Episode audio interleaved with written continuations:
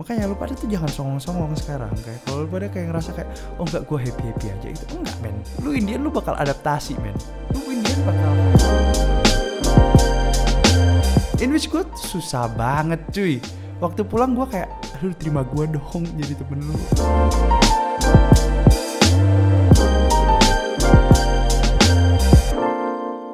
Hello everyone, welcome back to.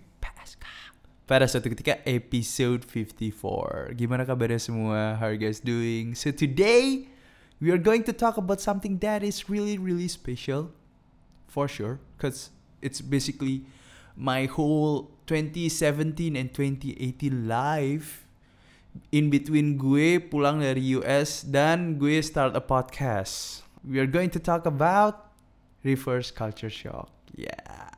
Jadi ya, bagi lo yang nggak pernah ngerasain hal ini, ya. Bagi lo yang nggak pernah ngerasain hal ini, nggak apa-apa, men. Mungkin dengar lo dengerin hal ini, mungkin lo jadi lebih terbuka, lo jadi lebih kayak nggak ngejudge orang-orang yang habis pindah dari kota gede ke mungkin balik ke hometownnya gitu. Misal kayak ada temen lu yang pergi ke Jakarta buat sekolah or uh, kerja mungkin dan tiba-tiba balik terus dia jadi kayak uh, gak deket sama lu lagi coba ngisolasi diri isolasi diri bener gak sih kata-kata gue? Kayak bener sih. Anyway uh, isolate him or herself gitu. dan lu bilang dia sombong karena gak kayak dulu lagi dianya. Tapi sebenarnya lu nggak ngerti kalau sebenarnya itu it's a part of reverse culture shock gitu. Dan gue sebagai uh, certified nomaden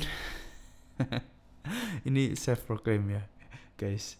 Jadi gue as a someone who love to move from places to places ya from city to city.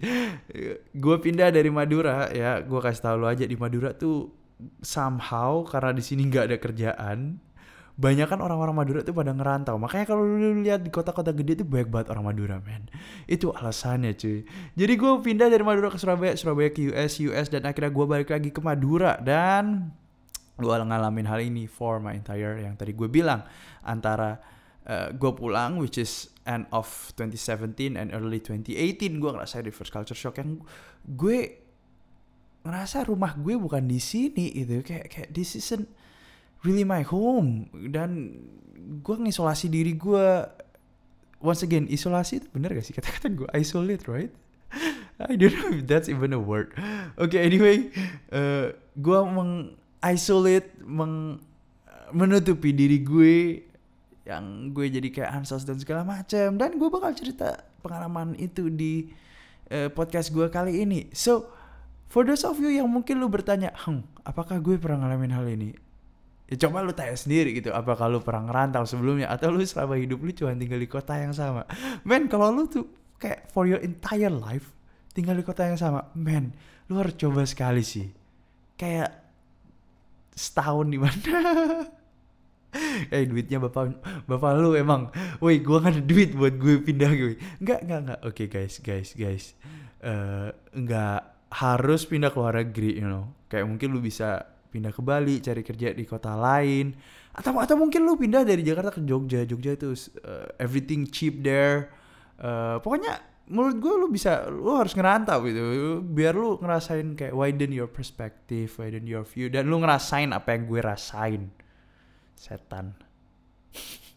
So yeah.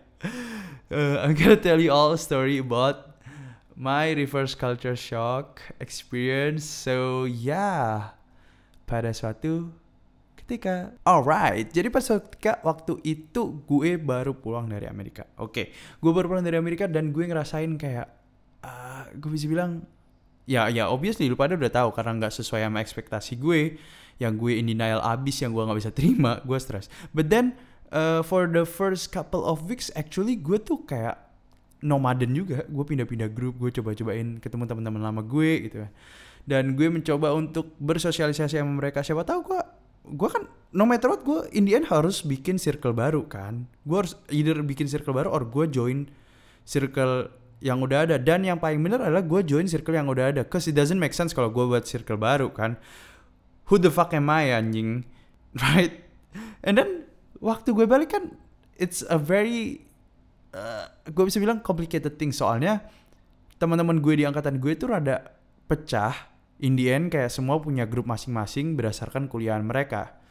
And then some of them kayak gue waktu di US gue nggak gitu juga main sama orang Surabaya gitu. For your information kebanyakan kita tuh kalau pindah ke let's say anak-anak yang sekolah luar itu biasanya mereka main sama teman daerahnya at least mereka deket gitu loh. Jadi misal kayak anak Surabaya main sama Surabaya anak Bandung main sama Bandung anak Jakarta main sama Jakarta gitu. Even though kayak mereka masih temenan sama berbeda kota intercities asik. Tapi mereka tuh kayak ada ada ada deketnya sama teman-teman Surabaya or Bandung or Jakarta teman kota gitu. But then in my case gue nggak gitu main sama anak-anak Surabaya men. And anak-anak Surabaya di tempat gue juga kayak gue mainnya sama orang-orang dari kota-kota lain waktu itu in which gue susah banget cuy. Waktu pulang gue kayak aduh terima gue dong jadi temen lu. Terus waktu gue coba terima sih tapi gue anjing aneh banget sih rasanya anjing. Kok nggak cocok ya? Seriusan gue mikir kayak gitu cuy. Gue kayak coba satu coba satu kok nggak cocok ya anjing? Ya diterima sih tapi nggak cocok. Akhirnya gue mulai kayak menjauhkan diri mengisolasikan diri. Aduh once again isolasi itu kata bener gak sih? Kayak bener sih. Isolate, isolate. Maksud gue isolate. Akhirnya gue gak menarik diri gue dari uh, circle yang ada. Gue mulai menarik diri dari society, cile. Dan gue kayak, ya karena kerjaan gue di Madura dan gue weekend ke Surabaya, gue sampai kayak ngomong ke nyokap bokap gue kayak, aduh mah Andre malas balik ke Surabaya minggu ini, gimana kalau Andre gak ke Surabaya? And then I decided to uh, stay in Madura for like I don't know two three weeks gitu kan. Uh, yang di mana bonyok gue tuh sedih banget ngeliat gue di Madura nggak ada teman dan bonyok gue tuh gue yakin yang ada di pikiran bonyok gue tuh kayak aduh kasihan banget nih anak ya. Udah jelek. Gak mau sosialisasi lagi. Hmm bisa mati single ya. Dan biasanya nyokap bonyok bonyok gue tuh ya tipikal orang yang cipe banget pelit banget kan. Lu tau gak gue sampai kayak aduh Andre uh, mau nggak aku kasih uh, mau papa kasih duit kamu lebih? Kamu ke Surabaya gi. Seneng seneng. Karena saking takutnya cuy gue anak pertama lagi kan ya. Dan hasil gue tetap kayak aduh apa lagi fokus kerja nih bacot. Padahal gue main PS nonton YouTube ya main game ngelakuin apa aja deh pokoknya deh. So yeah that's uh, the first after like first few months lah. After few, first few weeks gue mencoba bersosialisasi diri gue sama orang-orang ya, teman-teman lama gue dan akhirnya gue nggak cocok gitu. So I decided to you know what? Yaudahlah call it quit aja udahlah mungkin gue friendless. Asik. sedih banget ya jadi gue waktu itu. So yeah that's what happened for the first few months. Gue akhirnya mengurung diri. Cause this is the thing gitu jujur aja the culture yang lu punya sama orang-orang sekitar lu itu ngefek banget loh. In in friendship apalagi kayak in relationship lah basically. Uh, misal nih lu itu alasannya kenapa kayak gue selalu ditanya kok lu nggak main sama orang-orang bule? Kenapa lu nggak main sama orang-orang uh, other than Asian people? Gitu. Ya gue bilang aja um, gue sempat main but then in the end gue tetap lebih cocok sama teman-teman yang satu budaya sama gue bener kan? Obviously uh, lu lebih cocok in the end meskipun lu mencoba mencoba untuk gabung. Kalau namanya yang lain lebih cocok sama-sama makan nasi. Misal kayak ngajak keluar makanannya selalu sama jokesnya sama ya kan cara bercandanya sama dan segala macam ya lu lebih seneng dong. Obviously kayak ya gue mencoba gue ada beberapa temen gue gitu kulit putih. Tapi kayak Indian circle paling deket gue adalah teman-teman yang satu budaya sama gue temen gue ya kan orang Indonesia orang Singapura uh, Malaysian in which kayak orang-orang Southeast Asia karena culture kita mirip banget kan. So waktu gue balik itu gue ngerasa kayak man I don't feel like home. Kayak just different. The way we think the way I think and the people around me itu beda banget man. Kayak for example nih ya. For example nih. Anjing gue gue lebay. Gue kayak ada lebay sih. Tapi kayak uh, misal ada kata-kata kayak oh dia tuh cowok tapi suka gosip misal kayak gitu. Kayak cewek aja. Atau mungkin kayak oh dia cowok masa nangis kayak cewek aja? Atau kayak intinya yang kayak jiwa apa sih kayak gue tuh kan I'm a feminist right? Jadi kayak annoying banget tay terus kayak ada kayak little things lah kayak misal kayak mereka nge ngelihat LGBTQ community as something really bad yang sedangkan gue yang super duper liberal yang uh, harusnya lu nggak membenci mereka karena mereka juga nggak benci lu gitu kan yang ada pikiran gue men mereka nggak ganggu lu men. Kayak kenapa lu benci mereka? Ya kan? Dan gue ngerasa annoyed gitu little things just the little things that matter that matter gitu. Hal-hal kecil ini yang bikin gue kayak ngerasa oke okay, gue nggak cocok and then the jokes are just different. It just not the same. Yang kayak bikin gue kayak ketawanya kecil-kecil haha and then that's it. And then uh, talk about bullying in which I I couldn't relate. Well I could but it is it wasn't that cool anymore. Kayak it used to be cool when you were in high school kayak but then waktu lu udah pindah college terus lu kayak nge-recount everything uh, fuck. Kita nggak nggak usah bicarain bullying yuk. Just weird man. Just not cool right? I mean like when we were in high school we did not really care about mental health and shit. I mean right now we just realize kayak well I don't know about you but for me I just realized kayak uh, kasihan banget orang-orang yang dibully and and all those shit. But you know some people in Indo they don't really care. They don't really believe in mental health. So mereka sampai sekarang banyak banget teman-teman gue yang masih uh, bercandain tentang bullying-bullying yang ada di masa lalu. Pokoknya dia nggak sama aja sih. So di situ gue ngerasa kayak ya itu itu titik gue yang kayak ah udahlah gue main sama diri gue sendiri gue mulai tetap tetap kontak-kontakan sama teman-teman gue di US gitu kan. Gue ya mencoba menghibur diri dengan segala sesuatu yang ada lah uh, I talk to my one of uh, my closest friends gitu kan. Dan apparently dia baru pulang dari Kanada dan dia juga cerita hal yang sama. Gitu. gue shock gue shock. Jujur aja gue shock. Gue kayak hah? Lu ngerasain hal yang sama sama gue lu uh, menutupi diri mengisol Oke bentar ya, gue google dulu apakah isolasi itu bahasa yang benar. We'll be back. Alright, we are back. Apparently mengisolasi is the correct word. So yeah. jadi temen gue juga sama, dia juga mengisolasi dirinya dia. Uh, dia nggak mau ketemu siapa-siapa for the first couple of weeks. Dan di situ gue baru nyadar, gue pernah belajar hal ini dulu di uh, kelas intercultural communication things gitu uh, yang di mana kita ngebahas waktu itu uh, not not inter intercultural communication. Pokoknya intinya tentang kayak kebudayaan gitu kan. Yang di mana intinya mereka yang biasa sekolah di luar study abroad waktu mereka balik mereka tuh sering ngalamin hal ini. Karena kenapa? Banyak hal. Satu ya itu yang culture-nya nggak sama. Ya kan? Apparently gak cuman gue. Yang kedua teman-temannya udah beda. The people around them yang yang mungkin bisa dibilang waktu mereka balik pemikirannya udah beda. Sedangkan waktu mereka balik yang sekolah luar pada balik, mereka expect pikirannya masih sama, masih sejalan. Ternyata enggak gitu. Yang ketiga, mereka terpaksa untuk mengalami untuk bangkit dari culture shock di rumah mereka sendiri. Anggapannya itu kan kayak um, kayak my hometown right now itu kayak rumah gue sendiri kan. Tapi gue ngalamin culture shock yang gue ngerasa aneh banget kayak what the hell man ini loh alasan kenapa banyak banget orang yang lu tahu orang-orang yang mungkin lu ngelihat mereka udah ngerantau ke tempat yang jauh dan mereka balik dan lu ngerasa mereka sombong. Ada tetap ada aja aja orang-orang yang kayak gini gitu kan.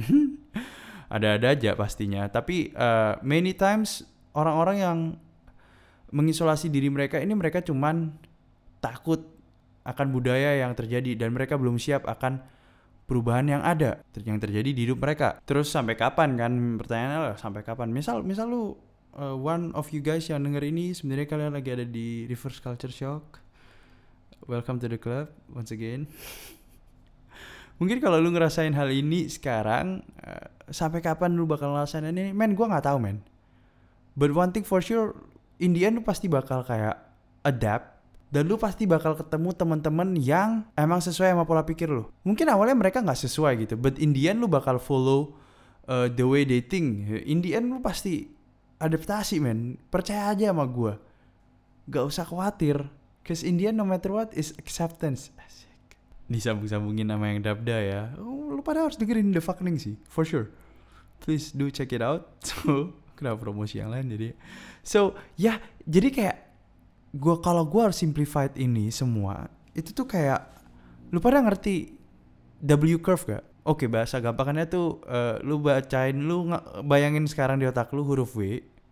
Oke. W kan ada tiga poin tinggi tuh ya kita mulai dari yang W yang paling kiri yang paling pertama tuh uh, waktu lu pindah ke negara baru ke kota baru lu excited as fuck gitu misal kayak gue harus pindah ke Jogja. Man gue excited as fuck.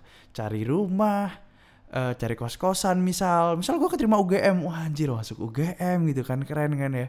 And then gue makan gudeg uh, for like a week. Terus terusan makan gudeg uh, makan sate kelatak uh, terus gue ke Solo makan serabi and all other things. Man it just my week was perfect gitu. Misal gue waktu itu uh, berapa tahun lalu gue ngelakuin hal itu ya kan uh, abis gue tinggal di Jogja gue mulai kangen rumah. Gue mulai kayak man gue kangen sate Madura ya. Gue mulai kangen soto Madura soto babat ya. Dan gue mulai kangen family gue.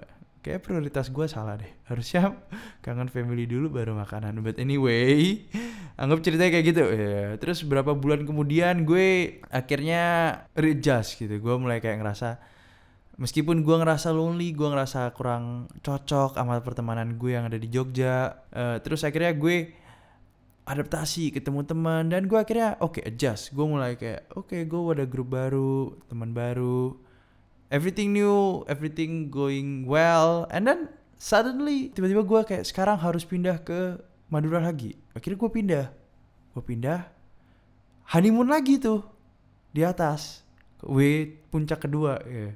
Gue ngerasa seneng, ngerasa kayak uh, wah akhirnya gue makan sate soto dan secara additionalnya gue bisa ketemu sama saudara gue. makanan tuh prioritas guys please. Dan akhirnya gue kayak oke okay, senang senang senang but that's it guys. Habis gitu turun lagi ke huruf W kalau lihat huruf W yang uh, poin bawah yang kedua kan. And then itu namanya krisis dan di mana gue mungkin waktu di Jogja semua orang ramah tiba-tiba gue harus balik ke Madura yang ya lu pada tahu lah orang Madura kayak gimana ya. Seperti itu. And then habis itu lu bakal naik lagi in the end going up. Itu namanya adjustment. Dan ada di poin terakhir akhirnya lu happy lagi. I mean kayak W kayak kalau lu lihat huruf W dan cerita ini sebenarnya hidup itu kayak roller coaster gitu loh. Pasti ada naik turun naik turun ya ya gimana gitu. Menurut gue naik turunnya ini karena perbedaan budaya yang ada. Karena lu semakin berkembang lu bakal uh, dapetin masalah yang lebih gitu. Kayak misal itu alasan kenapa waktu lu tua misal lu punya anak lu nggak bisa solve masalah anak lu 100% karena masanya beda udah uh, waktu lu udah tambah tua sewise-wise-nya lu lu bakal berubah dan lu ngerasain tantangan di hidup lu dan lu mungkin harus adaptasi. Dan adaptasi itu adalah proses di mana lu jatuh. Adaptasi adalah proses di mana lu uh, ngalamin namanya krisis. Ya ya dong kayak sekarang misal lu awalnya abis lulus kuliah oh abis lulus kuliah gue harus lanjut lagi ke proses berikutnya yaitu kerja. Abis kerja lu mungkin gue nggak tahu kalau lu mau bangun rumah tangga lanjut ke proses berikutnya. Abis rumah tangga punya anak punya anak punya anaknya udah gede dari SD dari balita ke SD SD SMP itu juga beda lagi gitu. Kayak pas balita lu cuman ngajarin gimana cara ngomong yang bener abis gitu lu SD ngajarin matematika SMP lu ngajarin tentang seks kan? Totally different. Ya kan approachnya juga beda jadinya ke anak lo the way you think gitu itu udah beda lagi teman-teman lu beda lagi. Dan this adjustment yang sebenarnya bisa dibilang alasan kenapa lu bakal punya hidup ups and down so yes that's basically it about reverse culture shock and roller coaster and all about life. Kayak gue akhir-akhir rada melenceng ngomongin tentang hidup. But you know berguna juga kan maksud gue. Makanya lu pada tuh jangan songong-songong sekarang. Kayak kalau lu pada kayak ngerasa kayak oh enggak gue happy happy aja. Itu enggak men lu Indian lu bakal adaptasi men. Lu Indian bakal kayak ngalamin masalah di hidup lu karena lu harus adaptasi dengan lu pindah ke stage berikutnya. Jadi kalau lu sekarang seneng ya dibikin happy aja. Kalau lu sekarang sedih ya santai aja adaptasi. Uh, percaya pada waktunya waktunya akan datang lu bakal bangkit lagi lu bakal adapt sama situation yang ada lu bakal happy lagi lu bakal sedih lagi. But you know life is about enjoying the ups and downs and then enjoying your life looking at your life growing itu sebenarnya the meaning and the purpose of life to enjoy the ups and downs so yes thank you so much for listening dadah Eyo, thank you banget udah dengerin PSK Podcast sampai akhir. So, uh, how do you guys like it? Please don't forget to follow PSK Podcast. Send me a DM. Um, if you feel kayak, aduh aku ngerasa lonely banget nih. Aku udah lagi di reverse culture shock. Uh, make sure to check, I don't know man, professional out there. Psychologist, gak usah takut kalau lo mau reach out buat psychologist. There's nothing wrong with that they're a freaking professional gitu. so yeah, good luck for those of you yang lagi ng ngalamin hal ini and I'll see you guys next week and see ya.